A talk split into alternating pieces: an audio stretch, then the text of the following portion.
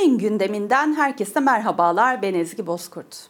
Geride bıraktığımız bir haftanın öne çıkan gelişmelerini derlediğimiz haber turumuz şimdi başlıyor.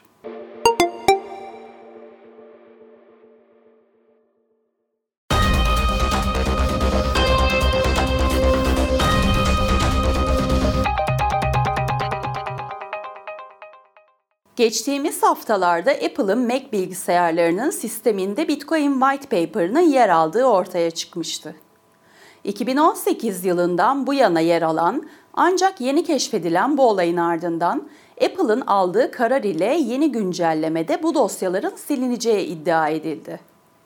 MacOS Ventura 13.4 sürümünde Bitcoin White Paper'ının yer almayacağı belirtiliyor. Amerika Birleşik Devletleri'nde daha önce Bitcoin hakkında yaptığı olumlu açıklamalarla bilinen Senatör Ted Cruz, Bitcoin hakkında pozitif açıklamalarına devam ediyor. Her pazartesi Bitcoin aldığını açıklayan senatör, toplamda 2'den fazla Bitcoin'e sahip olduğunu ve bu dönemin dip seviye olduğunu vurgulayarak volatilitenin kendisi için çok önemli olmadığını belirtti. Twitter'ın kurucusu Jack Dorsey'nin şirketi Block, Bitcoin madenciliği için önemli adımlar atmaya başladı. Şirket, yüksek performanslı Bitcoin madencilik AZ'nin önemli ölçüde tamamlandığını açıkladı.